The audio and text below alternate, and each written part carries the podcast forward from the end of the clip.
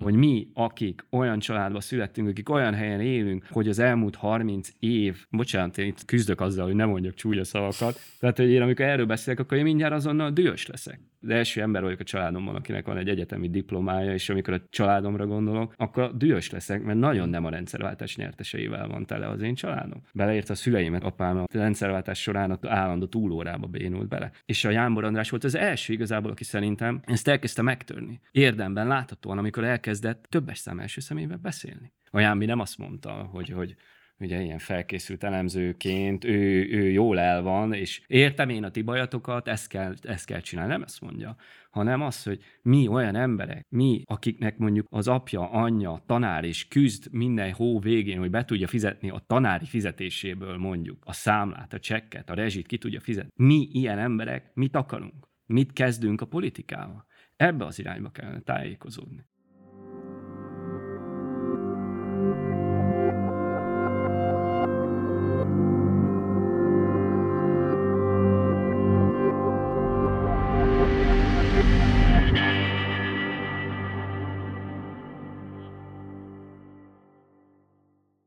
Sziasztok, ez itt a Mi a teendő, annak is a kilencedik alkalma. Ezúttal Sejring Gáborral fogunk beszélgetni, pontosabban csak fogok beszélgetni, Éber Márk vagyok, mert ma reggelre Papszilárd sajnos elveszítette a hangját, reméljük, hogy mielőbb jobban lesz, és mire ez a hangfelvétel adásba kerül addigra, Papszi már nem is fog emlékezni arra, hogy ezen a reggelen sajnos nem volt hangja. Nagyon köszönöm, hogy eljöttél, Gábor. Igen, sziasztok, és nagyon köszönöm a meghívást, és együtt tudok érezni Papszival, mert nekem is volt egy nátám, ami már majdnem elmúlt, de ha az orhangomat még hallják, halljátok, akkor ez miatt van. Nagyon régóta szeretünk volna elhívni, nagyon keveset látunk itthon. Igen, igen, valóban. Sajnos két, több mint két éve nem voltam Magyarországon, ez most a, a Covid miatt is elsősorban nehéz volt az utazás, úgyhogy nagyon megnehezül, de azért közben igyekszem tartani a kapcsolatot, és nagyon örülök, hogy itt lehetek. Aki követ téged, lát Facebookon itt-ott, látja, hogy ontod magadból az újabbnál újabb, nagyon izgalmas elemzéseket, mert hogy talán nem mindenki tudja, aki hallgat bennünket, hogy a Bokkon Egyetemnek vagy Milánóban a kutatója, Cambridge-ben írtad a doktoridat, és itt most a mai beszélgetésünkben elsősorban az Egy Demokrácia Halála című 2019-ben magyarul megjelent könyvedről fogunk beszélgetni, pontosabban onnan indulunk ki, és aztán persze arról foglak fogadni, hogy szerinted ebből mi következik. Azért is akartunk már nagyon korán elhívni, beszélgetni, mert azon kevés társadalomkutató vagy, akinek valóság közeli a politikai gondolkodás és van politikai tapasztalata is. Minden szövegedben érezhető, hogy nem csak egy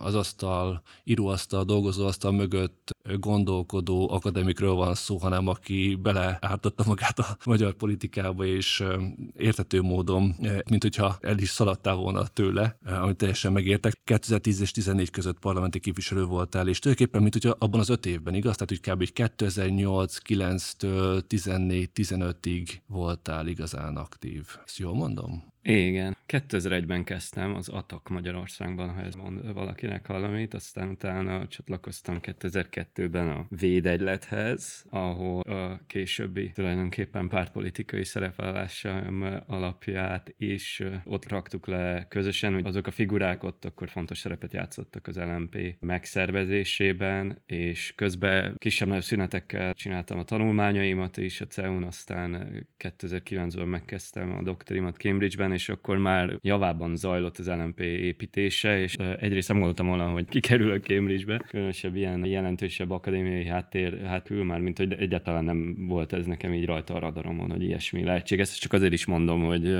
mindenkit bátorítanék, hogy ne korlátozzátok magatokat, mert az egyik, ahogy a társadalmi osztályhelyzet újra termelődik, az a képzeletünknek a bekorlátozódása. És közben igen, lettem LMP-s képviselő 2010-től, és aztán utána történt, ami tört, történt, párbeszéd, és aztán 2014-15-ben még a párbeszédnek az alapítványát, a Megújuló Magyarország alapítványt vezettem azon keresztül, igyekeztem így ilyen stratégiai, meg narratív alkotási feladatokba bekapcsolódni, de aztán be kellett látnom, hogy igazából egy fenékkel egy lovat lehet megülni, és akkor el kellett döntenem, hogy, hogy melyik legyen az a ló, és akkor nagyjából olyan 16-tól kezdve elköteleződtem, úgymond, hogy, hogy én megpróbálom a, a társadalom tudományt, de alapvetően mint egy intellektuális hivatást próbálom meg ezt űzni. Ami azért érdekes, Magyarország egyébként itt a társadalomtudomány mindig is inkább egy értelmiségi szerepvállalás volt, de uh-huh. ha elmész nyugatra, akkor azért ott a felsőoktatás neoliberalizálódásával, az őrült versengéssel van egy ilyen termelési kényszer, és társadalomtudomány elképesztő nagy része az egy ilyen ipar, és jól felkészült szaktechnológusok vesznek részt benne. Nyilván nagyon-nagyon sok szempontból érdekes, de keresni kell a sok szaktechnológus között az, hogy hol is vannak azok a tágabb kérdések, és az azokkal foglalkozó kutatások és emberek, amik egyébként a magyar társadalomtudományban sokkal jobban jelen vannak. Egyébként a kérdésed kapcsán még rögtön fel is vette azt a könyvet, amit idehoztál, a könyvet, aminek az előszavát azt Cardozo és Faletto függő fejlődésről szóló könyvéből vettem, ami úgy szól, hogy a történelem menete jó részt azok bátorságán múlik, akik készek történelmileg lehetséges célokért cselekedni. És hát az először az erről szól, erről a fél mondatról, hogy tulajdonképpen nem csak az én életemben, de, de sokunk életében is van ez a feszültség, az elemzés és a cselekvés uh-huh. között. A, a műsorotok is erről szól, és szerintem a kettő között az a jó, hogyha tényleg hagyjuk ezt a feszültséget úgymond megélni és megjelenni, mert ha csak a politikai cselekvés van, akkor hát azért e, ebből az idézetben benne volt, hogy történelmileg lehetséges célokért érdemes és le, kell cselekedni, és ahhoz, hogy ezeket azonosítani tudjuk, ehhez kell az elemzés, hogy megismerjük azokat a struktúrákat, lehetőségeket, amiket tényleg el lehet érni, és amik mentén lehet társadalmi koalíciókat alkotni. Cardozo ugye elnöke is lett Brazíliának, uh-huh. aztán eh, akkor már az ő pályafutása talán baloldali szempontból kevéssé vonzó, mint az ő társadalomtudósi pályafutása, de minden esetre az ő életében is ez jelen volt, és hát mégiscsak cselekvésbe ment át, és nem a fióknak írta, és a fióknak elemzett, és nem a szaktechnológusi társadalomtudományos felfogást vallotta, hanem azt mondta, hogy a társadalomtudomány egy eszköz arra, hogy elemezzünk problémákat, a legnagyobb kihívásokat, és azokra hozzájárulunk a válaszok kidolgozásához. Tehát a válaszok kidolgozása már önmagában, illetve megvalósítása is egy politikai feladat. Úgyhogy nagyon örülök ennek a beszélgetésnek, mert, mert az, amire a műsort létrehoztátok, az ott az egyik fő intellektuális feszültség, ami a könyv megírását motiválta. Az előző kérdésemben nagyon le is szűkítettem, amikor azt mondtam, hogy csak 2008-9-től 14-ig, mert ugye az igazából a párt politikai aktivitásod Igen. volt, és hogy egészen az ezredfordulótól itt a globalizáció kritikus mozgalom, vagy az Alter Glob mozgalomnak a hazai leagazásában aktív voltál, védegylet és adtak is sok minden nőtt másút. Sok mindenről fogunk beszélgetni, mert nem is tudom, hogy hogyan fogunk beleférni az adásidőnkbe, mert olyan sok izgalmas témád van. Itt ez a könyv, ami aztán angolul is megjelent, nyilván kicsit átdolgozva, Retreat of Liberal Democracy Democracy címen lesz a központban, de nyilván engem is nagyon érdekel, meg valószínűleg a hallgatóinkat is nagyon érdekli, hogy mi az, amit a könyvek után írtál újabb cikkekben az illiberalizmus politikai gazdaságtanáról, meg aztán egy nemzetközi összehasonlításban milyen eredményeid vannak, aztán ami külön nagyon izgalmas, az a, az egészségnek a politikai gazdaságtan, a mhm. szociológiája, a privatizáció, dezindustrializáció, tehát az ipar leépítése, ipartalanítás, hogyan ölt meg milliókat, például ebben a régióban, aztán ehhez kapcsolódóan a reménytelenség okozta halálozás, ez mind-mind azt hiszem külön adást megérne. Vidám témák, emberek és demokráciák halála másfél órában. Sok sikert a hallgatóknak. Arra kérjük a hallgatóinkat, hogy ők olvassák a könyvedet, tehát mire ez a hangfelvétel adásba kerül, addigra három héten keresztül a Facebookon nyomjuk a propagandát, hogy olvassátok el Gábor könyvét, még nem olvastátok el, és akkor úgy hallgassátok meg. Azért nem fogjuk kikérdezni. Szelé nyilván azt írta a könyvedről, hogy azért még nem halt meg, hanem csak betegeskedik ez a magyar demokrácia, de örök optimizmusával azt mondja, hogy még föltámasztható. Én azért örültem nagyon, hogy megjelent, és amikor olvastam, meghallgatva az előadásaidat, meg rövidebb, hosszabb szövegeidet olvasva, azért volt nekem nagyon érdekes, mert nagyon-nagyon jól meg tudod mutatni azt, hogy lehet úgy bírálni az 1990 és 2010 közötti magyar politikai berendezkedést, illetve 2010 utánit, hogy közben a kettő közé nem teszel egyenlőségelet. Ez így logikailag, vagy politikailag, vagy akár szakmailag is evidensnek tűnik, de hogy ez olyannyira nagyon evidens lenne, akkor egészen máshol tartanánk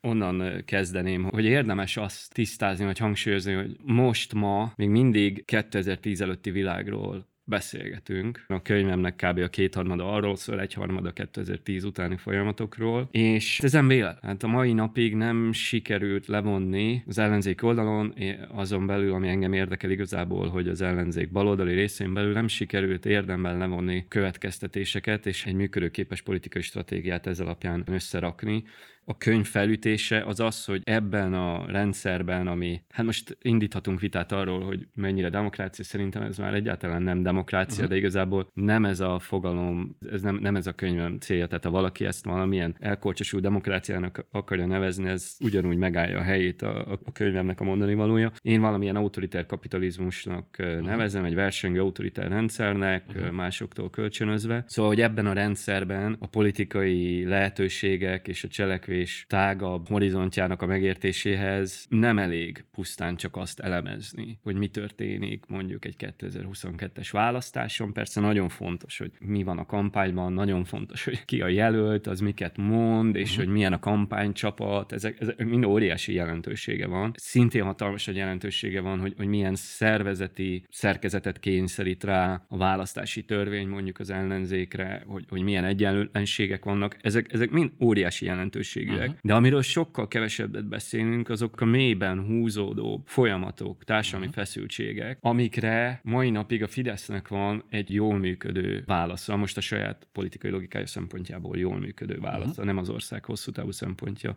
uh-huh. szerint jól működő válasza, de valamilyen válasza van arra a feszültségre, amit a magyar emberek tulajdonképpen a 80-as évek legvégétől kezdve egészen 2010-ig változó formában nem megéltek, és aztán utána 2010 után a Fidesz ezekre a feszültségekre, a globális gazdaságba való beágyazódásból generálódó feszültségekre mond valamit különböző társadalmi csoportoknak, leszakadó munkásosztálynak, kis településeken élőknek, de még a gazdasági eliten belül is jelentkezik a globális gazdaságba való integrációból következő feszültségek. Uh-huh. Tehát amikor a globalizáció veszteseiről beszélünk, most a vesztesek mögé nem látják a hallgatók, de, de idézélet raktam, mert hogy itt relatív vesztesekről beszélünk sok esetben, de mondjuk a nemzeti nagytőke a nemzetközi tőkéhez képest relatív vesztes, és önmagára így is tekint. Uh-huh. És a mhm. Fidesz ezeknek a csoportoknak mond valamit, de nem csak, hogy mond valamit, meg ad valamit, de társadalmi koalíciókat képez nagyon tudatos koalícióépítő munkával. És a könyvemnek a lényege, az idézet az elején az arról szólt, hogy történelmileg lehetséges célokért küzdeni. Tehát az az, hogy ezeket a társadalmi mély mozgásokat megértsük, mondom nem elvitatva a választási törvényt és a kampányt és többi kérdést, de igazából a minőségi szintugrás az ellenzék versenyképesebbé válásában akkor következne be, hogyha ezekre a mély mechanizmusokra lenne egy sokkal hatékonyabb és, és ütőképesebb válasza erről szól ez a könyv tulajdonképpen. Erről, erről kíváncsi, hogy annyit, hogy tegyek ehhez hozzá, hogy ennek a könyvnek a legelső változata még 2014 legelején készült, az egy politikai stratégiai vitairat volt annó. És aztán rájöttem, hogy ha én erről meg akarom győzni a pártársaimat, akkor erről sokkal többet kell írnom, és akkor lett belőle először egy cikk, és aztán lett belőle egy fejezet, egy társadalmi műhelyes könyvben. Igen, 16-ban. Igen, és, és hát közben rájöttem, hogy ez, ez, ez, nem, ez nem egy könyvfejezet, ez nem egy cikk, cikk, akkor lett belőle két cikk, és aztán viszonylag hamar kiderült, hogy ez legalább egy könyv, de igazából ez az intellektuális feladat sok újabb cikkemet motiválja, szóval nem is egy könyvnyi feladatról van itt szó. Olvastak még a pártársaid, illetve a hazai baloldalnak a nem társadalomtudományokkal foglalkozó része? Szerintem vannak sokan, igen. Tehát voltam többször a párbeszéden belül is különböző uh-huh. műhelyekben erről beszélni. Könyvemutatón annó nagyon mhm. sokan uh-huh. ott, ott voltak, még a Gergő is, főpolgármester úr is tiszteletét tette a, a könyvemutatón, tehát szerintem valamennyire ismerik. Most nagy stratégiaalkotó műhelyben 15 óta kb. már nem vettem részt, uh-huh. de nyilván ez azért is van, mert eldöntöttem, hogy én más irányba alakítom az életemet, és nyilván akkor nem, nem olyankor nem úgy alakul, hogy akkor a leg legbelsőbb stratégiai műhelyekben is részt veszel, de szerintem ez a része, ez, ez rendjén van. Ezen túl szerintem valamennyire ismerik. Hogy mennyire vonják le a következtetéseket belőle, vagy mennyire értenek vele egyet, azt már nem tudom.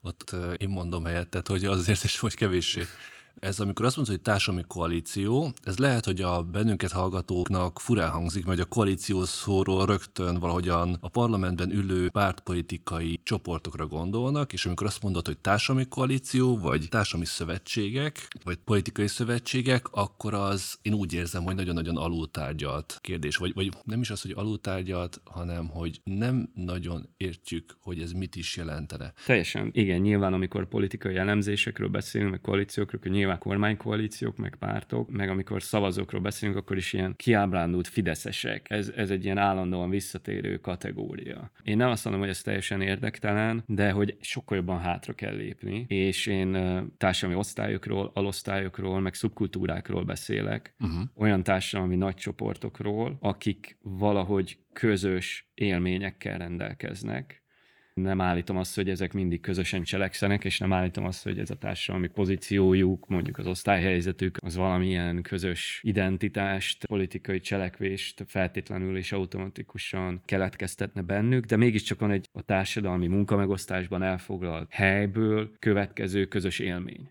És akkor itt én ebből kettőt emelek ki a könyvben, mert szerintem ennek van óriási stratégiai jelentősége, de ez nem az összes, és nem fed le mindent.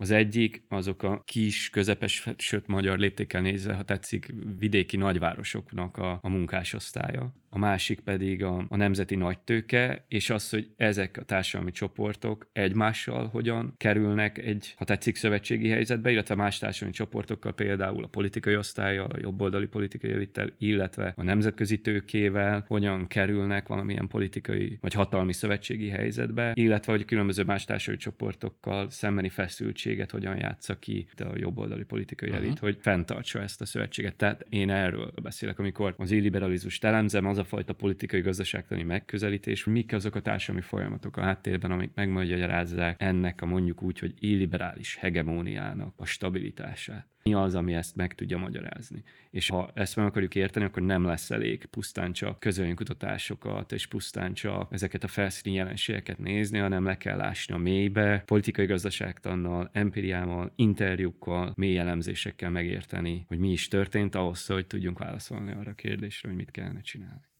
Az előző alkalommal Patakfalvi Círiák Ágnessel beszélgettünk, akinek ugyanebben a sorozatban, a társadalmi műhely sorozatban jelent meg a könyve Székely Zászló címmel, és ott is a beszélgetésünk elég gyorsan eljutott arra a pontra, hogy a politikai tudás termelést kezdtük el bírálni. Tehát, hogy honnan szerzi akár az ellenzék, akár a politikus, akár a stratégia, honnan szerzi a tudását arról, hogy mi, mi van Patakfalvi Círiákági antropológus, szociológus, nagyon fontos eszköze, e, módszer a terepmunka, és innen szerintem nagyon helytállóan bírálta azt a fajta politikai tudáscsinálást, ami valahogyan értékeket akar fölmérni, valamilyen közveleménykutatások, feltételezzük, hogy van egy a konzervatív tábor, a liberális tábor, kiábrándult fideszesek is ehhez hasonló ilyen fura elnevezésekben gondolkodunk, mint ezek a csoportok, ezek az identitások ott vannak, és hogy ehhez képest egyáltalán nem látszódik mögötte ahogy mondod, a társadalmi élményanyag, vagy azok a tényleges társadalmi tapasztalatok, amelyekből valamilyen módon kihozható egy politikai döntés, vagy politikai elköteleződés is. Tehát azért is firtatom ezt a dolgot, mert hogyha az ellenzék meg a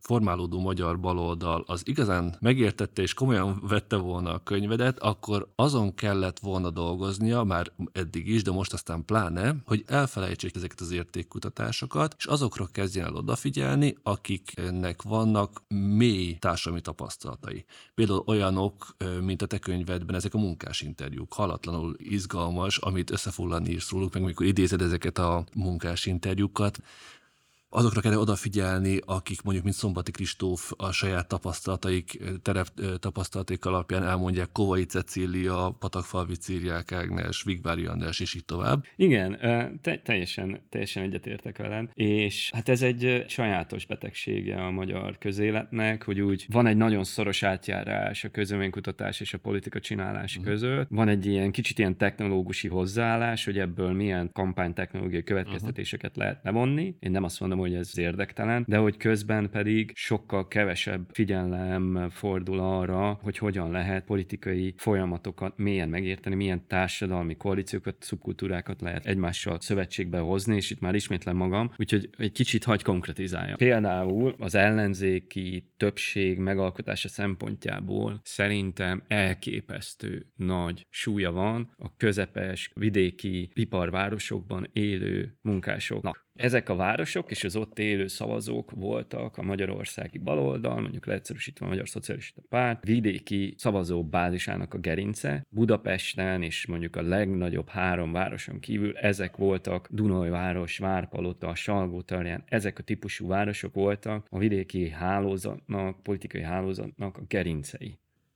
ezeknek a városoknak az úgymond elvesztése, ott a szavazóbázis összeomlása és jobboldali fordulata óriási stratégiai jelentőséggel bír. És nem véletlen az, hogy vissza van húzódva egy ilyen teljesen kozmopolita pozícióba az ellenzék ma Magyarországon, gyakorlatilag egy fővárosi jelenségé vált, az itt élők a globalizáció kihívásaihoz jól alkalmazkodni tudó, inkább a rendszerváltás nyerteseihez, nem a leggazdagabbak, de inkább a rendszerváltás nyerteseihez, a globalizáció nyerteseihez tartozók között erősen felülreprezentált, és azokban a társadalmi térségekben, ahol van egy másik élményanyag, az elmúlt 30 évnek egy teljesen más megélése egyre inkább elvesztette a kapcsolatot. Miért vesztette el a kapcsolatot? Mert nem volt sem nyelvezete, hogy ezeknek az embereknek értelmeset tudjon mondani, és nem volt eszköze arra, hogy megértse ezeket az embereket könyvemben nagyon gyakran használom a társadalmi dezintegráció, meg általában a kutatásaimban a társadalmi dezintegráció fogalmát. Ez nem evidens, ha mondjuk valaki baloldali, akkor ez ritkán fordul elő ez a kifejezés. Az olyan kifejezések, mint a társadalmi osztály, jobban ismert ma már Magyarországon is. De a dezintegrációban benne van mind a gazdasági leszakadás, lecsúszás, gazdasági egyenlőtlenségeknek a növekedése. Ez benne van, hogy mondjuk egy várpalotai embernek az anyagi helyzete hogyan vált bizonytalanabbá és, és egyre kiszolgáltatottabbá, és a többi de benne van az is, hogy mindeközben van egy kulturális polarizálódás, tehát egy elszakadás. A dezintegrációnak van egy ilyen oldala is, ilyen értelemben dezintegrálódik a magyar társadalom, hogy egy ilyen munkásnak az élménye, ki még a 80-as években tudott dolgozni, mondjuk adott esetben szerzett is egy lakást, de ennek van gyakran egy generációs oldala is, hogy az ő gyereke már sokkal nehezebb körülmények között tud stabil munkát találni, a lakhatását egyáltalán nem tudja megoldani. Ezeknek az embereknek az élményanyaga teljesen el eltér azoknak az embereknek az élményanyagától, akik mondjuk tipikusan a fővárosban élnek, akik inkább azok közé tartoznak, akik képesek a globalizáció kihívásaival megküzdeni, és az ellenzék identitását és politikai stratégiáját tipikusan ezek az emberek határozták meg egészen a közelmúltig. A bevezetőre utaltál, és hogy ott Cardozo és Faletto idézett, hogy a külső integráció, tehát a világpiacba, világgazdaságba való beilleszkedés, az belső dezintegrációval járt, és ez meg egy olyan lecke, amit nem tanultunk meg. Márki Zaj, meg hát egyáltalán az ellenzéki fő ígéret az mindig az, hogy na de integrálódnunk kell, integrálódjunk a külső rendszerbe. Nem ment át ennek az ellentmondásossága, és hogy ez milyen módon teremt belső dezintegrációt. Papíron van egy baloldali útkeresés az ellenzéken belül, nem feltétlenül azon a szinten van baj, hogy a programalkotásban uh-huh. nem jelennek meg baloldali gondolatok, sokkal több ott a baloldali gondolat, mint az ellenzék politikai összképén, vagy identitásán, vagy általános stratégiáján belül.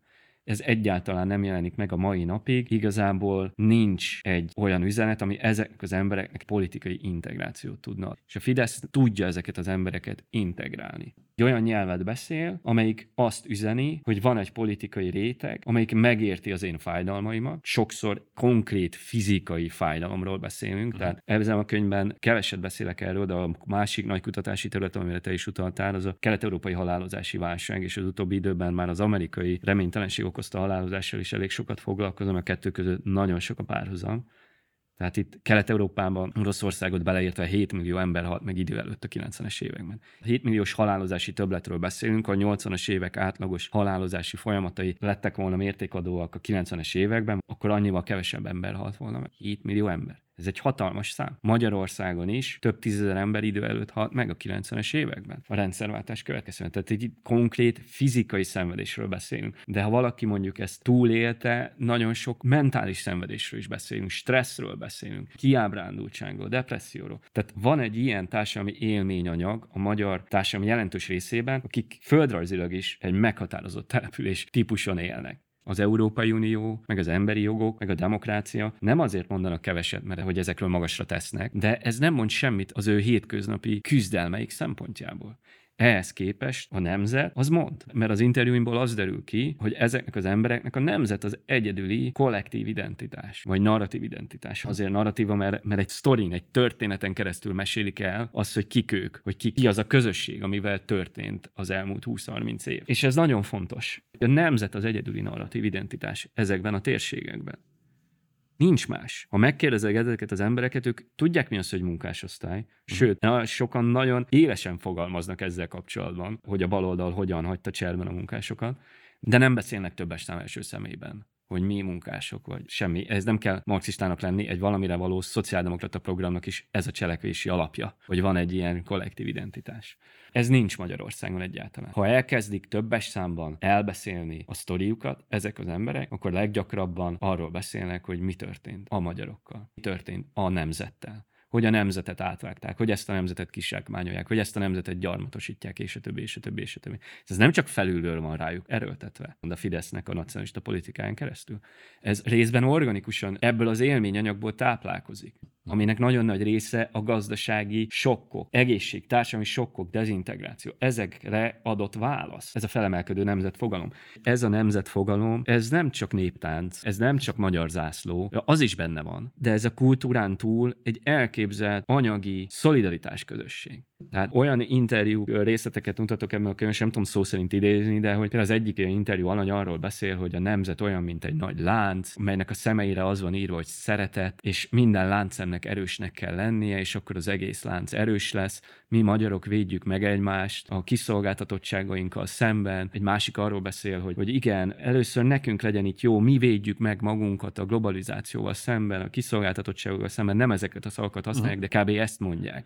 Tehát, hogy van egy nagyon erős anyagi védelmi igény, és nemzetbe ezt az anyagi védelmet látják bele. Ehhez képest mit mond a baloldal?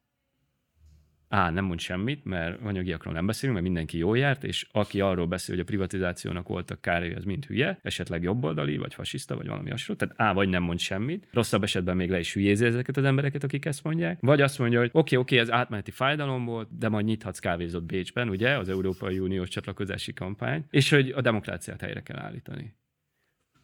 2009-ben kérdőíves felmérések alapján a magyaroknak a liberális értékek iránti támogatottsága számos európai országnál magasabb volt. Nem arról beszélek, hogy demokrácia, vagy ezek a liberális értékek intézményeknél lettek volna fontosak ezeknek az embereknek. Arról beszélek, hogy erre nem lehet politikai identitást építeni arra, hogy nemzet, a Fidesz tudott politikai identitást építeni.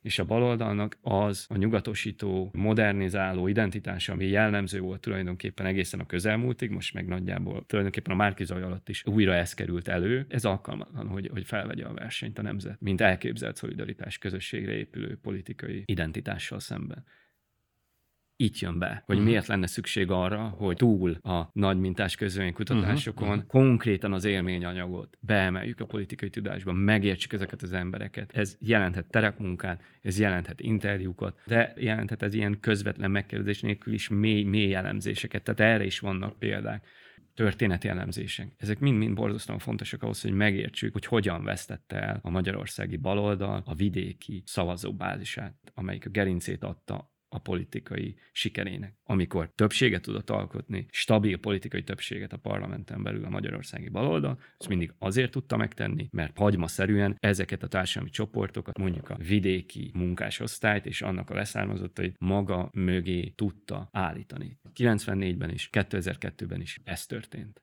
2000-es évek végére összeomlott a baloldal támogatottsága a munkásosztályon belül. Főleg a Fidesz, kisebb részben a Jobbik jelent meg, úgymond a munkásosztály politikai képviseleteként. Nem lesz ellenzéki siker, nem lesz ellenzéki áttörés. Várpalota, Dunajváros, Salgótarján és a többi nélkül ott masszív, stabil baloldali többségnek kell lennie. És aztán utána beszéltünk szerintem arról, hogy hogyan vegye fel az ellenzék a küzdelmet az egészen apró falvas vagy kis településes részeken, ami megint egy borzasztóan releváns, mert ott sem volt mindig ekkora jobboldali fölény. Ott is volt a baloldalnak beágyazottsága, az MSZP-nek volt beágyazottsága, nem eleve elrendelt, hogy ez ennyire egy jobboldali térség legyen, de egy jóval nehezebb terep, és mondjuk nem volt sosem annyira a baloldalnak a gerince, mint mondjuk ezek a vidéki közepes városok.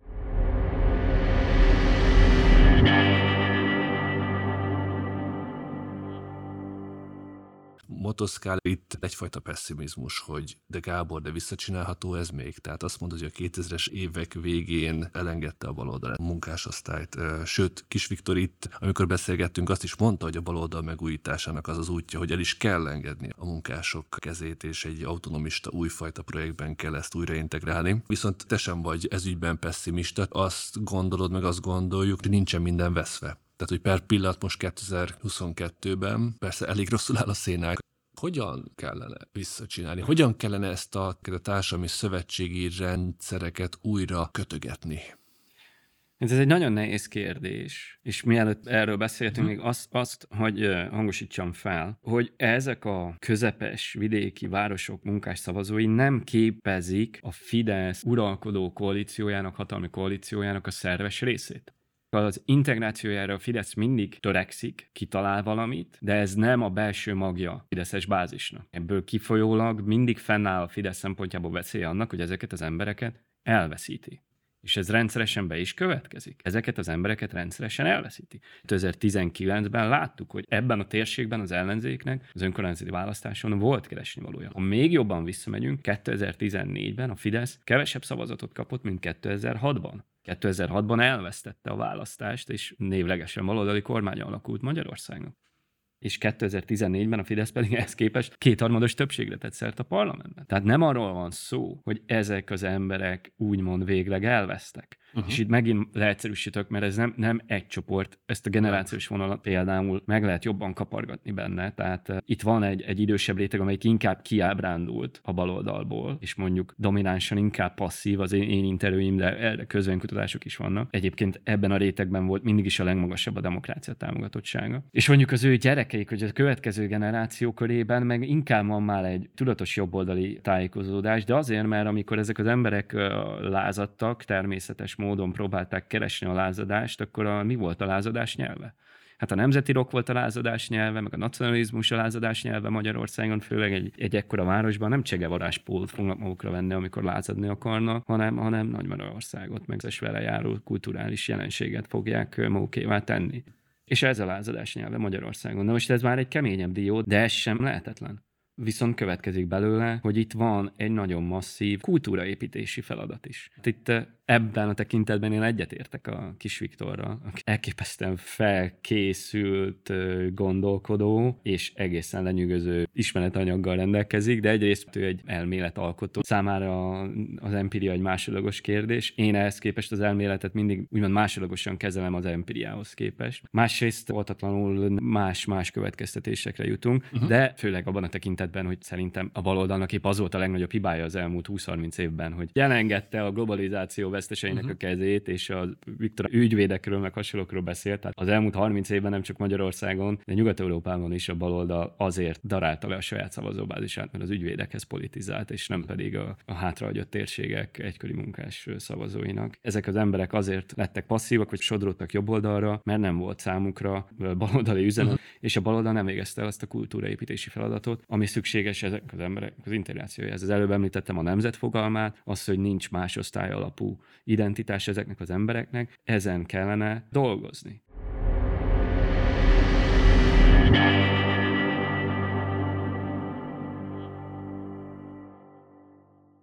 Hogy mondjak még egy példát. A szociális érzékenység, mint egy ilyen politikai identitás képző tényező. Szerintem iszonyatosan káros. Nem azért, mert hogy ne kellene úgymond szociálisan érzékenynek lenni, de hogy nem a szociális érzékenység a megoldás. Mit üzen a szociális érzékenység? Az, hogy én felkészült tudós mondjuk, de akár politikus, figyelek a te bajaidra, és megmondom neked, hogy hogyan lehetne téged előre léptetni egy kicsit a társadalmi langrétrán, hogyan lehetne téged egy kicsit feljebb noszogatni. A szociális érzékenység távolságot generáló beszédmód az nem arról szól, hogy mi a rendszerváltás vesztesei, mi a fenét akarunk a világtól, hogy mi, akik olyan családba születtünk, akik olyan helyen élünk, hogy az elmúlt 30 év, bocsánat, én itt küzdök azzal, hogy nem mondjak csúnya szavakat, tehát hogy én amikor erről beszélek, akkor én mindjárt azonnal dühös leszek az első ember vagyok a családomban, akinek van egy egyetemi diplomája, és amikor a családomra gondolok, akkor dühös leszek, mert nagyon nem a rendszerváltás nyerteseivel van tele az én családom. Beleért a szüleimet, apám a rendszerváltás során állandó túlórába bénult bele. És a Jánbor András volt az első igazából, aki szerintem ezt elkezdte megtörni. Érdemben láthatóan, amikor elkezdett többes szám első személyben beszélni. Ez nem szociális érzékenység. A Jánbi nem azt mondta, hogy, hogy ugye ilyen felkészült elemzőként, ő, ő jól el van, és értem én a ti bajatokat, ezt kell, ezt kell csinálni, nem ezt mondja, hanem az, hogy mi olyan emberek, mi, akiknek mondjuk az apja, anyja, tanár is küzd minden hó végén, hogy be tudja fizetni a tanári fizetéséből mondjuk a számlát, a csekket, a rezsit ki tudja fizetni. Mi ilyen emberek mit akarunk? Mit kezdünk a politikával? Ebbe az irányba kellene tájékozódni most kisarkítottam ezt a szociális érzékenység dolgot, de azt hiszem, hogy lehet, hogy mit akarok ezzel mondani. Ez egy nyelvi, ez egy kulturális kérdés. Elképesztően elitista az ellenzék, és a szociális érzékenység nem lesz erre megoldás. Persze tartalmilag szociális érzékenynek kell lenni, de igazából azért, mert magunkévá tesszük, megértjük, átéljük azt az élmény anyagot, ami az elképesztő kiszolgáltatottságban, mély fizikai, mentális fájdalomban élő embereknek a mindennapi sajátja ebben az országban. És ezt akarjuk bevinni a politikába, és ezt ezt akarjuk képviselni, és ez az, amitől dühösek vagyunk, és valamit el akarunk érni. És ezt kellene egy nyelven keresztüli megélt identitássá formálni a baloldalon túl azon, hogy el kellene távolodni mondjuk attól az attitűdtől, ami a szociális érzékenységből fakad mondjuk, nagyon távlatosan lehetne létrehozni kutatóintézeteket, ahol okos nyelvészek és okos társadalomtudósok konkrét emberekkel, akiknek ez az élményanyaga, leülnek, és elkezdenek kidolgozni egy nyelvet, uh-huh. ami fel tudná venni a versenyt a nemzet fogalmával hatalmas intellektuális kihívás, nem egy egyhetes feladat, egy hosszú távú politikai szervezési feladat, nem kerül nagyon-nagyon sok pénzbe, de óriási hozzáadott értéke lenne az ellenzéki politizálás szempontjából egy ilyen új baloldali nyelv kidolgozásán. A társadalmi szövetségek megkötésének a hogyanjára kérdezek vissza, ezt is nagyon érdekesen leírod, hogy a nemzeti tőkét, közép és főleg nagyvállalkozókat hogyan vonja be a maga szövetségi rendszerébe 2002 után, 2004-2006 után Orbán, és ha jól emlékszem, akkor még ott az is volt a diskurzus 2006 után, hogy Orbán Viktor nem nagyon jelenik meg a parlamentben, hanem kiárja a vidéket, de hogy itt nem csak az történt, hogy járt a vidéket és lakossági fórumokat tartott, hanem rengeteg vállalkozóval találkozott, beszélt velük, ajánlatot tett tett nekik azt mondta, hogy gyertek, kövessetek engem, támogassatok engem, és hogyha megszerezzük a hatalmat, akkor neked, mint magyar vállalkozónak jobban fog menni. Tehát valahogyan így húzta be, nyilván Igen. most nagyon leegyszerűsítve, a nemzeti tőkét maga mögé, amelyik időközben itt a 2000-es években kiábrándult az akkori 2002 és 2010 közötti névlegbaloldali MSZP-SZDSZ kormányokból.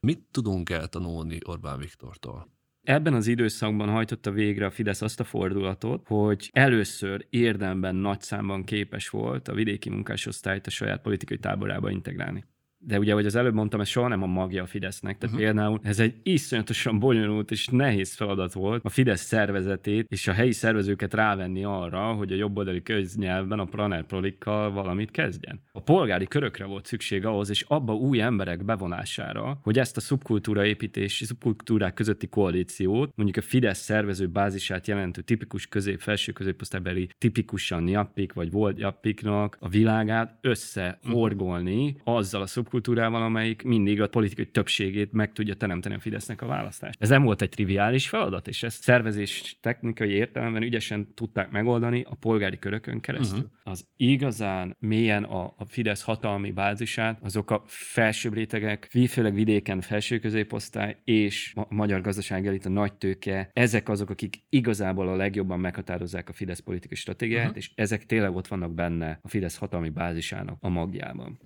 A könyvemben ugye ez a másik nagy sztori, amit elemzek. Az egyik ez a munkásosztály, a reálbér stagnálás a munkásosztály kapcsán. Most csak egy-két adatot még ide hagyd dobjak vissza, mert egyszerűen nem, nem, ugye, nem is elemeztük, hogy nem is került szóba, hogy például 2009-ben a reálbér az kb. 10%-kal volt csak magasabb, mint 1980 környékén. Hogy, hogy ezekben a vidéki iparvárosokban majdnem minden második ipari foglalkoztatott elvesztette a munkáját 88 és 95 között uh-huh. Magyarországon Ez egy óri, ez egy fekete lyuk.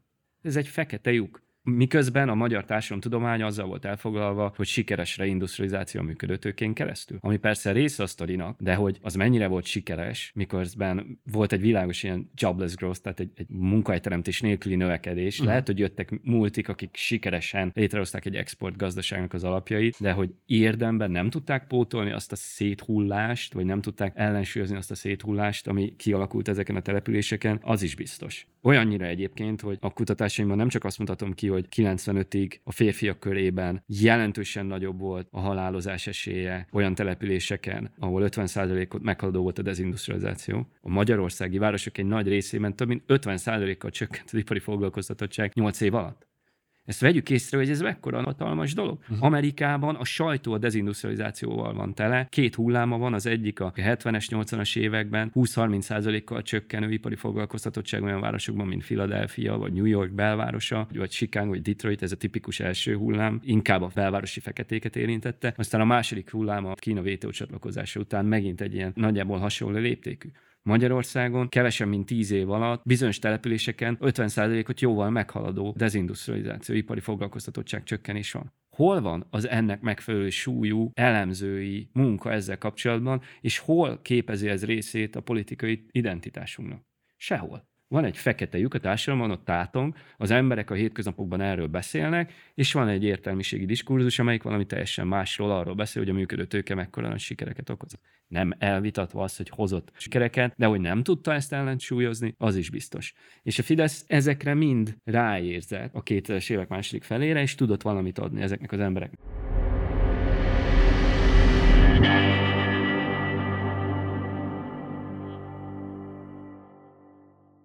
Az én provokatív állításom az az, hogy ez nem egy maffia állam. Hogy uh-huh. itt nem csak a korrupcióról van szó, hogy itt nem csak Mészáros Lőrincről, vagy egykoron volt Simicska Lajosról kell beszélni. Velük van tele a sajtó részben joggal. De nem ők alkotják a Fidesz hatalmi bázisának a, a lényegét, a magját. És nem is csak a két kulacsos kóp, tehát nemzeti nagytőkések, tehát nem csak arról van szó, hogy Kóka János is most már a csápol a Fidesznek, diplomata útlevéllel utazgat, azért mert egyetért a kormánynak nemzeti tőkét, a nemzeti vállalkozásokat erősíteni igyekvő politikájával. Tehát nem csak erről beszélek, de ez már egy elmozdulás a korrupció lopás diskurzushoz képest, hogy hogy lehet az, hogy egy Kóka János is bekerül abba a hatalmi szövetségbe, amelyik stabilizálja a Fidesz. De még csak nem is ezekről a figurákról beszélek, hanem hogy van a könyvemben különböző csoportokat elemzek, és a legnagyobb számosságát tekintve a legnagyobb csoport a nemzeti nagytőkén belül azok, akiket én feltörekvő nemzeti tőkéseknek nevezek ezek olyan figurák, akik igazából már közülük sokan a 90-es években, tehát nem csak 2002 után, a 90-es években, már a 90-es évek legelején sokan közülük mondogatják, hogy nem lesz az jó, hogyha mindent a multiknak adunk ebből bajok lesznek. Mondjuk Széles Gábor pont nem ebbe a körbe tartozik az én definícióm alapján, hanem egy elkötelezett konzervatív, és ő már a 90-es évek legelején arról beszél, hogy kell egy politikai nagy koalíció a nemzeti nagytőke és a jobb oldal között akkor még ez teljesen lepattant a jobb oldalról. Történelmi érdekesség, hogy miért. Azért, mert akkor még az MDF-en belül is, Fidesz még akkor nem is volt jobb oldal, de később ezt a Fidesz átvette. Az volt az uralkodó nézet, hogy a 90-es évek elején a magyar nagytőke az úgymond a szocialisták a Kádár rendszer menedzsereinek a tulajdonképp, hát ott éltek túl a gazdasági elitben ez volt a nézet, úgyhogy mi nekünk úgymond jobb oldalnak azokhoz nincsen semmi köze. Akkor még az volt a, az uralkodó nézet, hogy meg kell próbálni a második gazdaságban a kisvállalkozókból felhizlalni egy új nemzeti tőkés osztályt. De hát aztán ezt a projektet, ezt a, ezt a második gazdaságból új tőkés osztálykreálást, ezt, ezt elmosta a történelem. Vannak, akiknek ez sikerül, de igazából nem ők alkotják a magyar gazdaság elit nagy részét. Viszont 2000-es évek végére belátta a Fidesz 2002 után elkezdtek ezzel érdemben foglalkozni, hogy a nemzeti nagytőkén belül van egy nagyfokú kiábrándultság ugyanabból a globális integrációból, ami kiábránduláshoz vezetett a munkásosztályon belül. És hogy ennek egy nagyon nagy része nagyon hasonló globalizáció kritika. Csak ott még hangsúlyosabban jön fel a működő tőkének a kérdése, hogy, hogy mindent nekiadunk, már mint kor, magyar kormányok, és hogy ezzel valamit kellene kezdeni a mostani kormányba be is került, fejlesztési miniszternek ez a, ez a Csák nevű egykori vállalkozó, kicsit elemző vállalkozó, egy ilyen furcsa politikai, társadalmi pozíciót betöltő ember, aki ugyanakkor már a Szélkámán alapítványnak is az egyik uh-huh. alapítója volt. 2000-es évek második felében Matolcsi Györgyel, meg sokakkal másokkal a Fidesz gazdasági programját szervezte, de ez nem csak úgy nézett ki, hogy Varga Mihály leült és megírta, hanem ez úgy nézett ki, hogy összehozták a nemzeti nagytőkét, őket meghallgatták, és tulajdonképpen azokat az igényeket lepárolták, és abból lett a, a Fidesznek a gazdaságpolitikai programja. Már a 2000-es években még ellenzékben elkezdték megszállni a gazdasági kamarai rendszert. Szatmári Kristófnak ebből központi szerepe volt. A másik a para, akik elvégezték ezt a szervező munkát. Ellenzékből szereztek hatalmi pozíciókat a gazdasági elitnek ezen az intézményi bázisán belül. Óriási jelentősége van abból a szempontból, hogy ezeket az intézményi pozíciókat aztán fel tudták arra használni, hogy behúzzák a Fidesz hatalmi érdekrendszerébe a nemzeti nagytőkét, és hát a kisközepes vállalkozásoknak is az elsőprő többségét és ők tényleg szerves részét alkotják annak az illiberális hatalmi koalíciónak, ami stabilizálja a kormány Magyarországon. Ha gondolod, van egy-kettő idézet, csak nagyon röviden, én szívesen felolvasnék egyet, mert, ha megtalálom gyorsan, mert, uh-huh. mert, mert beszédes, uh-huh. hogy, hogy ezek a nemzeti nagytőkések, mondom, akikről egyáltalán nincs szó a sajtóban, vagy, vagy nagyon-nagyon ritkán.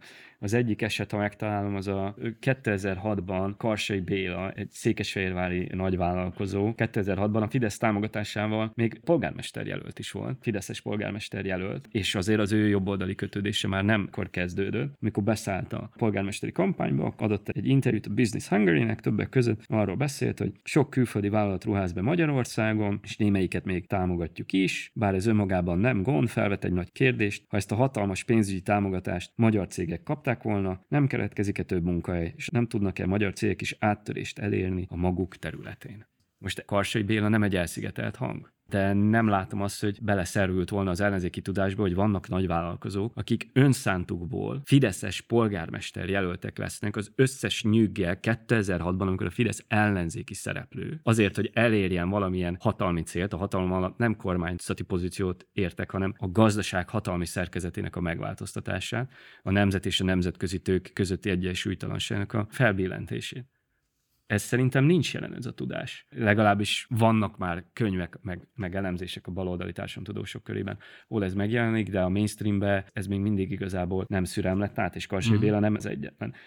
Sajnos az is hozzátartozik a képhez, hogy ezeknek a nemzeti nagytőkéseknek egy, egy nagyon nagy része, a többsége kifejezetten olcsó munkaerőre építő, kifejezetten nem technológia vagy tudásintenzív termelést végez, amihez arra van szükség, hogy olcsó, kizsákmányolható munkások legyenek, nagy számban elérhetőek, ez nem kell oktatás, nem kell egészségügy, nem kell szociális ellátórendszer, az se baj, hogyha a kormány leszállítja a tankötelezettség korhatárát, sőt, még több könnyen elérhető olcsó munkaerő van.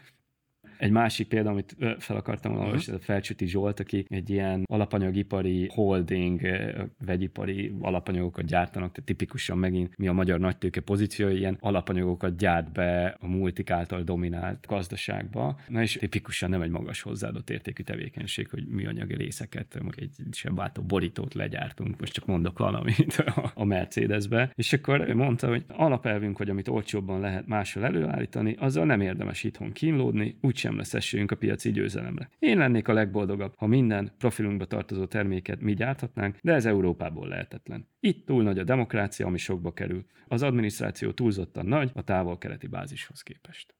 Mi ezeknek az embereknek az igénye? Egyrészt az, hogy tudják felvenni a versenyt a nemzetközi tőkével szemben. Mi kell ehhez? Olcsó munkaerő, a demokrácia, hát az nem nagyon segíti ezt, mert ott az emberek mindenféle követelésekkel fognak előállni, szociális ellátások, egészségügyi tudás az ő cégükhöz tipikusan nem, hogy nem kell, hanem még hátráltatja is ezeknek a cégeknek a versenyképességét. Szóval amikor Orbán Viktor ezeket a cégeket integrálja a saját hatalmi rendszerébe, most csak kettő példát emeltem ki, de számosságban ők vannak a legtöbben, és még hosszasan sorolhatnék ide, hasonló példákat hozhatnék még részletesen, akkor ebből az is következik, hogy elmozdul a kormány meglátszódik -e ez a kormány, Orbán Viktor kormányának a gazdasági stratégiáján. Részben a multik igényét elégíti ki a munkaerőpolitika, de legalább ennyire tükröződik a kormány gazdaságnak társadalompolitikai stratégiáján a nemzeti nagytőkének az igényei. Akkor, amikor leépítik az oktatást, akkor, amikor lecsökkentik a szociális ellátásokat, akkor, amikor szétverik a szakszervezeteket, akkor arra készítik fel a magyar gazdaságot és a magyar közpolitikai rendszer, hogy olcsó, csereszabatos, kiszolgálható munkaerő kínálat, ami a magyar nagytőkének a lényege, hogy ez meglegyen. Másra nincs szükség. Tehát itt most már előre is szaladtam, mert nem csak arról van szó, hogy ezeket az embereket integrálta a politikai rendszerébe és a hatalmi bázisába Orbán Viktor, aki érti, hogy koalíciókat kell építeni, és ezeket a koalíciókat hogyan lehet létrehozni, ellenzékből hangsúlyozom. Már 2010 előtt jóval többségbe kerültek a nemzeti tőkés osztályon belül a milliárdosok körében a jobboldali orientációjú nagy tőkések, mikor a Fidesz ellenzékben volt. Úgyhogy a 90-es évek első felében ezek elsőprő részben baloldali kötődésű figurák voltak. Ez egy hatalmas nagy fordulat a nemzeti nagytőkén belül. De a másik, amire utaltam, hogy ez az integráció, ez összefügg azzal a kizsákmányolás orientált társadalom és gazdaságpolitikával, ami Fideszre olyan nagyon-nagyon jellemző, és hát ebből két dolog is következik. Egyrészt, hogy ez, ez egy rövid távú megoldás arra a globalizációs feszültségre, ami volt Magyarországon, de hosszú távon ez semmiféle gazdasági sikert nem tud eredményezni, ebből nem lesz Dél-Korea, ebből nem lesz Finnország, ez alapján Magyarország nem fogja lényegesen megváltoztatni azt a félperifériás világgazdasági pozícióját, amit olyannyira jól is ismernek azok, akik követik a magyar társadalomtudományi munkákat. Ebből nem lesz felzárkózás. Ez a gazdaság így el tud zakatolni ezzel az alacsony hozzáadott értékű kizsákmányolt munkára épülő modellel, de, de közben meg elmegy mellettünk a történelem.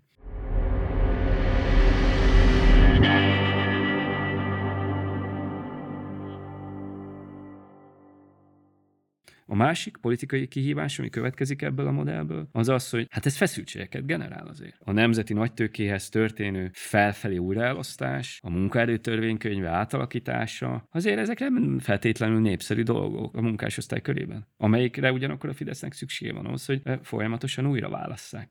Tehát ezért mondom azt, hogy egyrészt nem megkezdhetetlen ez a koalíció, Másrészt viszont a Fidesznek nagyon tudatos politikai programja van ezeknek az embereknek a saját rendszer relatív veszteseinek a megtartására relatív vesztes, mert közben a Fidesz egy nagyon sikeres, vagy szerencsés időszakban kormányzott, 2012 után nagy gazdasági boom van a világgazdaságban, uh-huh. nagy mennyiségben elérhető tőke, ráadásul a nyugati ipari tőke egyre inkább arra a belátásra jutott, hogy a saját versenyképességét azzal tudja majd helyreállítani, hogyha Németországból áttelepül Kelet-Európába, ahol olcsóbb a munkaerő és a kifutó technológiái motorra építő autóipar, uh-huh. még nagyobb mértékben köteleződött el a kelet-európai gyártás mellett, mert itt tud tudott versenyképes maradni az egyre kiéleződő globális versenyben. Ez mind azt eredményezte, hogy volt egy viszonylag szerencsés időszak, amikor könnyebb volt eladni úgymond ezeket a népszerűtlen projekteket. De a szerencsén túl, meg a növekedésen túl van két fix, amire én utalok a könyvben, vagy két politikai megoldás, amit a Fidesz használ, annak érdekében, hogy ezt az ellenmondásos hatalmi koalíciót fenntartsa. Egyrészt a demokrácia hanyatlása Magyarországon ezzel függ össze. Tehát az én meglátásom szerint nem azért umlik össze, vagy haldoklik, vagy halt meg a magyar demokrácia, mert Orbán Viktornak ez a kényekedve, uh-huh. hanem azért, mert annak a hatalmi koalíciónak, amit a Fidesz épített, a természetéből következnek olyan belső feszültségek, amiket sokkal könnyebb úgy menedzselni, hogyha korlátozott a demokrácia. Felszámolom a szakszervezeteket, hogyha megnehezítem az ellenzéknek azt a képességét, hogy mobilizálni tudja a társadalmi elégedetlenséget, hogy az igenis meglévő társadalmi elégedetlenségeket sikeres politikába, politikai cselekvésbe tudja becsatornázni, akkor ez stabilizálni tudja a hatalmat. Márpedig, uh-huh. amikor a kormány átírja a választási törvényt, és egy fogoly dilemma helyzetbe kényszeríti bele az ellenzéket, ahol valamennyire megkerülhetetlen, hogy együttműködjenek választás választásokon koalíciót kössenek, de közben mindenkinek az a rövid távú érdeke, hogy versengjen egymással, akkor ez egy felülről generált roncsderbi típusú helyzetet hoz létre, amit nagyon nehéz megoldani az ellenzéknek. Amikor az erőforrásokat úgy osztja újra, hogy a Fidesznek dimenziókkal nagyobb kommunikációs kampánya van, mint az ellenzéknek, ez mind-mind-mind azt eredményezi, hogy nehéz becsatornázni az ellenzéki térfélbe meglévő társadalmi elégedetlenségeket. Ezeket nevezem én intézményi autoritár megoldásoknak. Tehát ezeket mindenki jól ismeri, mert ez a demokrácia hanyatlása, az alkot alkotmánybíróságtól a média elfoglalásáig kezdve. Hogy ezt jól ismerjük. ez túl van tárgyalva. Igen. A másik, amit viszont kevésbé ismerünk, amit én a könyvben autoritár populista fixeknek nevezek. Ezek az autoritár populista fixek, ezek részben kampányok, részben diskurzusok, tehát mondjuk a migráció ellenes kampány ebbe a témakörbe illeszkedik, ami ugye az előbb beszélgetünk a nemzetről, a nacionalizmusról, amelyik arra jó, hogy annak ellenére, hogy ezek az emberek relatív anyagi vesztesei a rendszernek, mármint nem a migránsok, hanem a közepes városok munkásosztálya, egy bevándorlás ellenes kampányjal fel lehet éleszteni bennük ezt a nemzeti szolidaritás közötti igényt, és el lehet mondani azt, hogy én megvédelek benneteket valamilyen külső fenyegetettséggel szemben. Ráadásul Soros György az egy gonosz pénzügyi spekuláns, tehát itt a globalizációnak a pénzügyi gazdasági oldala tökéletesen összemosható a migrációval, a bevándorlással, két legyet lehet vele ütni egy csapásra. Na ez tipikusan egy ilyen autoritár populista fix, amivel lehet stabilizálni, legalábbis minimalizálni azt a veszteséget, amit a, a tőkefelhalmozás felpörgetése érdekében meghozott közpolitikai intézkedések generálnak. De tartoznak ide olyan intézkedések is, amik már nem diskurzusok, hanem nagyon is létező közpolitikai intézkedések. Talán a legjobb példa erre a közmunkaprogram, ami meg azért gondolom, hogy autoritár populista logika, mert alapvetően egy hatalmi igény szolgál ki, uh-huh. azt a hatalmi igényt, hogy ezt az ellenmondásos társadalmi koalíciót stabilizálja, azon keresztül, hogy a relatív veszteseket bent tartja a rendszerben. Ez nem hosszú távú megoldás a munkanélküliségre, ez nem hosszú távú megoldás az átképzésre, és a többi, és a többi, ezt jól tudjuk kutatásokból, hogy ez nem hosszú távú megoldás. Mégiscsak ad valamit ezeknek az embereknek ezeknek az embereknek ez egy cselekvő, óvó, védő állam üzenetét hordozza, ahhoz képest, ami 2010 előtt volt, hogy hát Miskolc, acélváros, utazzatok át Győrbe, ott van munka. Lehet ingázni, vagy majd a piac megoldja. A legjobb iparpolitika az, hogy nincs iparpolitika, nincs itt az államnak dolga veletek, oldjátok meg. Maximum kosárfonó tanfolyamok vannak. Ehhez képest a közmunkaprogram az egy cselekvő, védő, az embereket aktívan szolgáló állam képét sugározza ezeknek az embereknek. De még egy dolgot el tud érni ez a közmunkaprogram, ez még azok körében is népszerű, akik közvetlenül nem részesülnek belőle mert hogy a magyar munkásosztály polarizált, nem egységes abban az értelemben, hogy van egy leszakadó, leszakadt része, akik egyáltalán nem rendelkeznek stabil munkahelyel, egyik melóról mennek a másik melóra, és van egy stabilabb munkaviszonyal rendelkező része a munkásosztálynak. Ezeket az embereket könnyen szembe lehet állítani a leszakadt uh-huh. melósokkal, és azt lehet nekik mondani, hogy azok a melósok, akik leszakadtak, azok a munkanélküliek, azok ne kapjanak ingyen segélyt, te is kőkeményen megdolgozol minden minden hónapban, hogy be tud fizetni a számlát, te egy értékes ember vagy. Te viszed a hátadon ezt az országot, nincsen ingyen ebéd. Ezeknek az embereknek mi elveszük a segélyét, és adunk közmunkát, mert addig is dolgozik legalább. És ez a duma, ez az érték, én ezt, ezt a könyvemben, meg aztán később Kristófa közös tanulmányunkban egy, egy mélyen gyökerező érték hierarchia felnagyításának nevezzük. E, ezek a elképzelt morális hierarchiák a munkásosztályon belül, hogy vannak az érdemes munkások, uh-huh. akik megdolgoznak, és vannak azok, akik leszakadnak, mert az ő hibájuk, vagy lusták, azok ne kapjanak semmit, maximum közmunkát. Ez népszerű azok körében, akik kőkeményen dolgoznak hónapról hónapra, hogy be tudják fizetni éppen csak a, a rezsit, és valamilyen minimális életet megengedhessenek maguknak, akiket félreértésből mi alsó középosztálynak nevezünk, vagy sokan. Szóval most jó hosszan válaszoltam neked a kérdésedre, onnan kiindulva, hogy nemzeti nagytőke, ebből is látszik egy politikai gazdaságtelemzés, mennyi minden összefüggés meg tud világítani. Hogy a nemzeti nagytőke integrációja, az a hatalmas nagy fegyvertén, hogy Orbán Viktor emancipálta a nemzeti nagytőkét a nemzetközi tőke mellé, beemelte a hatalmi koalícióba, az ő anyagi megtámogatásuk, az ő tőkefelhalmozásuknak a felpörgetése, közben a nemzetközi tőke nagy részének a megtartása, az ipari export tőke megtartása, sőt az ő tőke felhalmozásuk felpörgetés, ez a kettő egyszerre zajlik. Ez feszültségeket generál, ami folyamatos szavazatvesztés veszélyével jár a vidéki, közepes városok munkásosztályán belül, akik rendszeresen el is pártolnak a Fidesztől, de akiknek a megtartására a Fidesznek két politikai stratégiája van, egy intézményi fix, ami megnehezíti, hogy az ellenzék becsatornázza a társadalmi kiábrándultságot, szakszervezetek is egyre nehezebben tudják ezt becsatornázni, és van egy úgymond soft oldala, egy lágyabb oldala, az autoritár populizmus, ami közmunka, ami migráns kampány, ami olyan intézkedéseket jelent, ami eléri azt, hogy ezek a relatív vesztesek is benne maradjanak annak a hatalmi tömnek a perifériáján, ami a Fidesz választásról választásra eddig kétharmadhoz jutotta.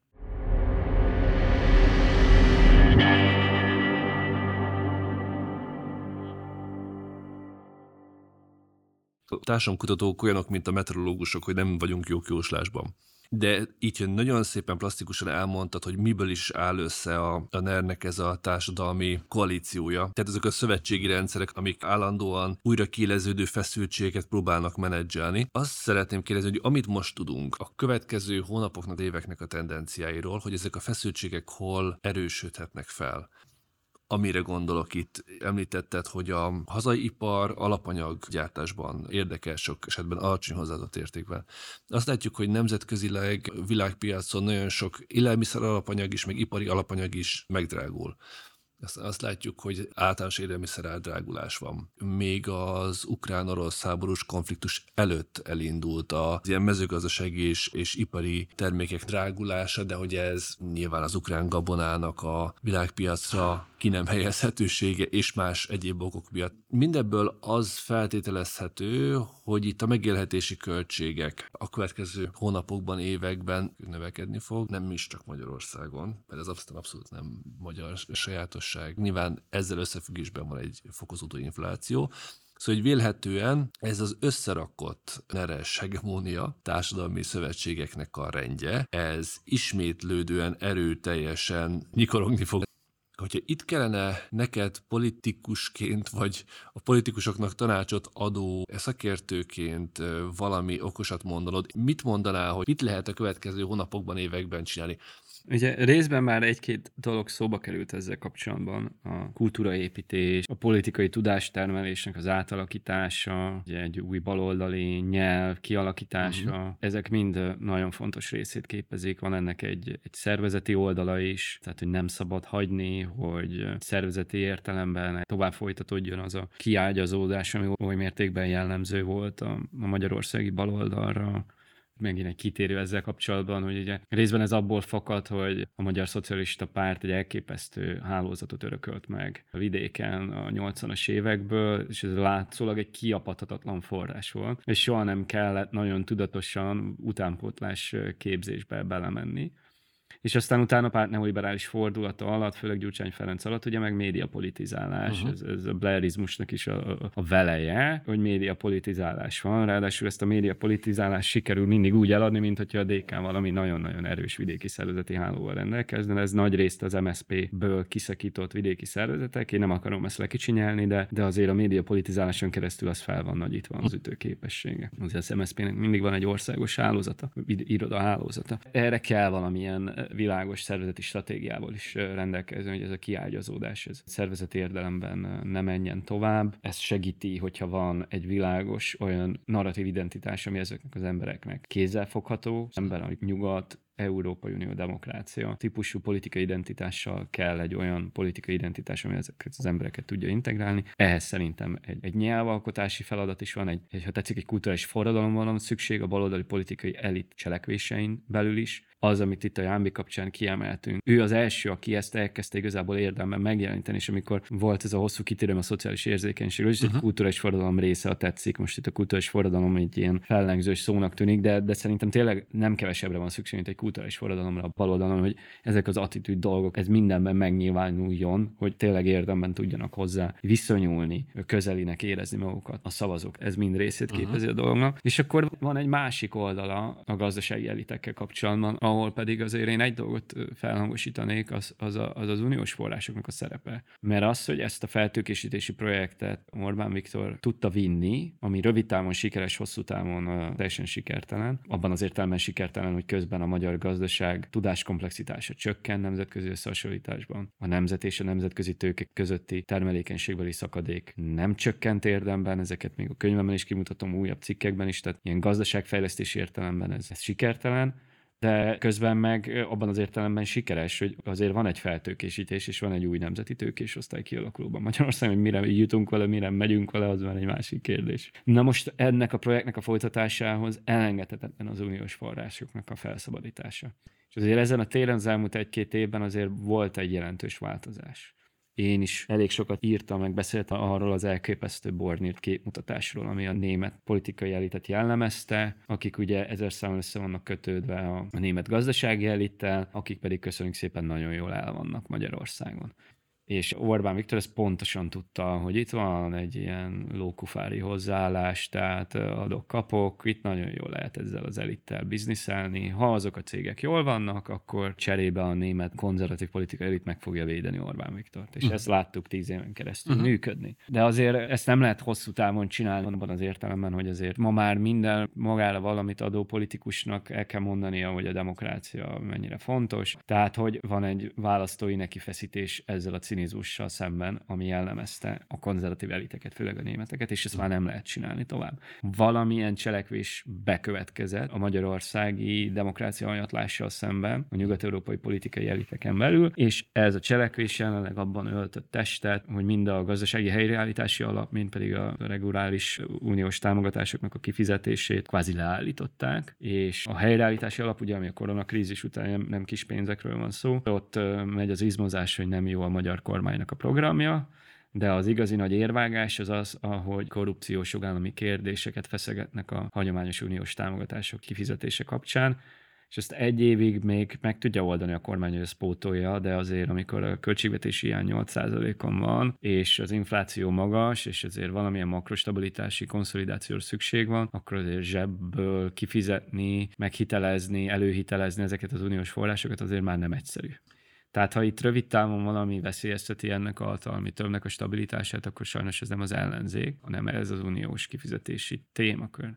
Nem véletlen szerintem, hogy az új kormánystruktúra az minden korábbihoz képest még jobban tükrözi ezt a felhalmozási igényt. Tehát beemelték ezt a csákot, van vagy hat gazdasági minisztérium, most mindenki azzal foglalkozik, hogy hogyan legyen elköltve az uniós források, amik uh-huh. még itt sincsenek. Európér, mérsékelt konzervatív Tibor, Navracsics Tibor visszakerült a kormányba, és szintén ugye ez a célra, hogy üzenjen a kormány Brüsszelbe, hogy itt mennyire konzervatív, mérsékelt konzervatív európér mindenki. Tehát szemmel láthatóan minden megtesz annak érdekében Orbán Viktor, hogy, hogy tudja biztosítani ezt, a, mit az én könyvemben felhalmozó államnak nevezek, tehát ennek a felhalmozó államnak a működését és ehhez a felmozó államhoz nagyon-nagyon fontosak az uniós források. 2011-12 óta, könyvemben erre is van grafikon, most ezt nem tudom ide bemutatni, de ha valaki megnézi, akkor, akkor teljesen egyértelműen látszik az ábrán, hogy a működőtőke beáramlás stagnál, a GDP arányos működőtőke állomány vagy stagnál, vagy csökken Magyarországon, tehát az az extenzív függőfejlődés, amiben volt korábban Magyarország, mit jelent? Azt jelenti, hogy egyre több külföldi tőke áramlik be 2010 előtt, és minden erre volt kialakítva, hogy jöjjön, jöjjön a mhm. tőke, minden közpolitikai intézkedés ezt a célt szolgálta. Ez azóta megváltozott, a külföldi tőkének megmarad a szerepe az autóiparban, a technológiai intenzív exportágazatokban, amelyek uh-huh. a mhm. magyar gazdaság szívét jelentik. Ott van egy doubling down, tehát egy fokozott elköteleződés, a függőfejlődés, a neoliberális gazdasági modell modell mellett. De más területeken, a nem technológiai intenzív, nem exportágazatokon belül, bankok, kereskedelem, energetika, ott viszont van egy részleges gazdasági nacionalista fordulat, részben belföldi forrásokból, de leginkább uniós forrásokból a nemzeti tőké helyzetbe hozása zajlik és ennek a fenntartásához elengedhetetlen, hogy Orbán Viktor hozzáférjen az uh-huh. uniós forrásokhoz. És hát igazából van az egész mögött egy nulladik lépés, amiről az én környéken kevesebb beszél, de hogy azért itt van egy szervezeti fogoly dilemma helyzet. És ez persze nem egy politikai gazdaságtani kérdés, de ezt nem lehet megkerülni. Tehát amikor van egy ennyire elaprózott ellenzék, amelyiken belül mindenki abban érdekelt, hogy rövid távon versenyezzen és pozíciót fogjon egymással szemben, teljesen értető módon ez a, ez a racionális érdek, majd mikor adunk, hogy, hogy, hogy van a választás előtt egy pár hónap, addigra nem tud kialakulni egy. Tehát még ha ezt értenék is, és ott lenne a, érted, az új baloldali Bernie Sanders vezetni az ellenzéket, három hónap alatt nem lehet ezt igazából ezt a politikai identitást felépíteni, amiről mi beszélünk, még ott is lenne a tudás, meg a karizmatikus vezető. A karizma az nem olyan, hogy néhány közvéleménykutató technológus kiméri, és aztán utána kiveszünk a zsákba egy ismeretlen figurát, és akkor majd ő karizmatikus lesz. Nem, az olyan ember kell, aki ezeken a küzdelmeken keresztül megy, és mhm. átévéssel tudja képviselni ezeket. Most, hogyha még ezek meg is lennének, akkor is a, a szervezeti kérdés az, az, az, az, az ott lenne. Tehát valahogy előbb kellene ezt tudni, legyártani ezt a működőképes, szervezetileg versenyképes ellenzéket, ugyanakkor akkor ez viszont, tehát egyszerre két dolgot nagyon nehéz csinálni. Egyszerre megújulni, amihez be kell állni a konfliktusokba, és le kell nyomni azokat a hangokat, narratívákat, amelyek a 2010 előtt minden jó volt típusú identitásba folytanák bele az ellenzéket, ami arra jó, hogy mindig rágjuk a körmünket, hogy meg lesz az újabb kétharmad, de többséget alkotni nem lehet vele. Tehát ezeket a csatákat meg kellene vívni, de közben pedig kellene egy egységes szervezeti fellépés ezzel az új identitással. Tehát ez egy nagyon nehéz feladat. Ez nagyon bátor és nagyon-nagyon bevállalós szervező munkára lenne szükség, hogy egyszerre tudjon megerősödni a, az új baloldal az ellenzéken belül, és úgymond saját képére formálni az egész egységes ellenzéket.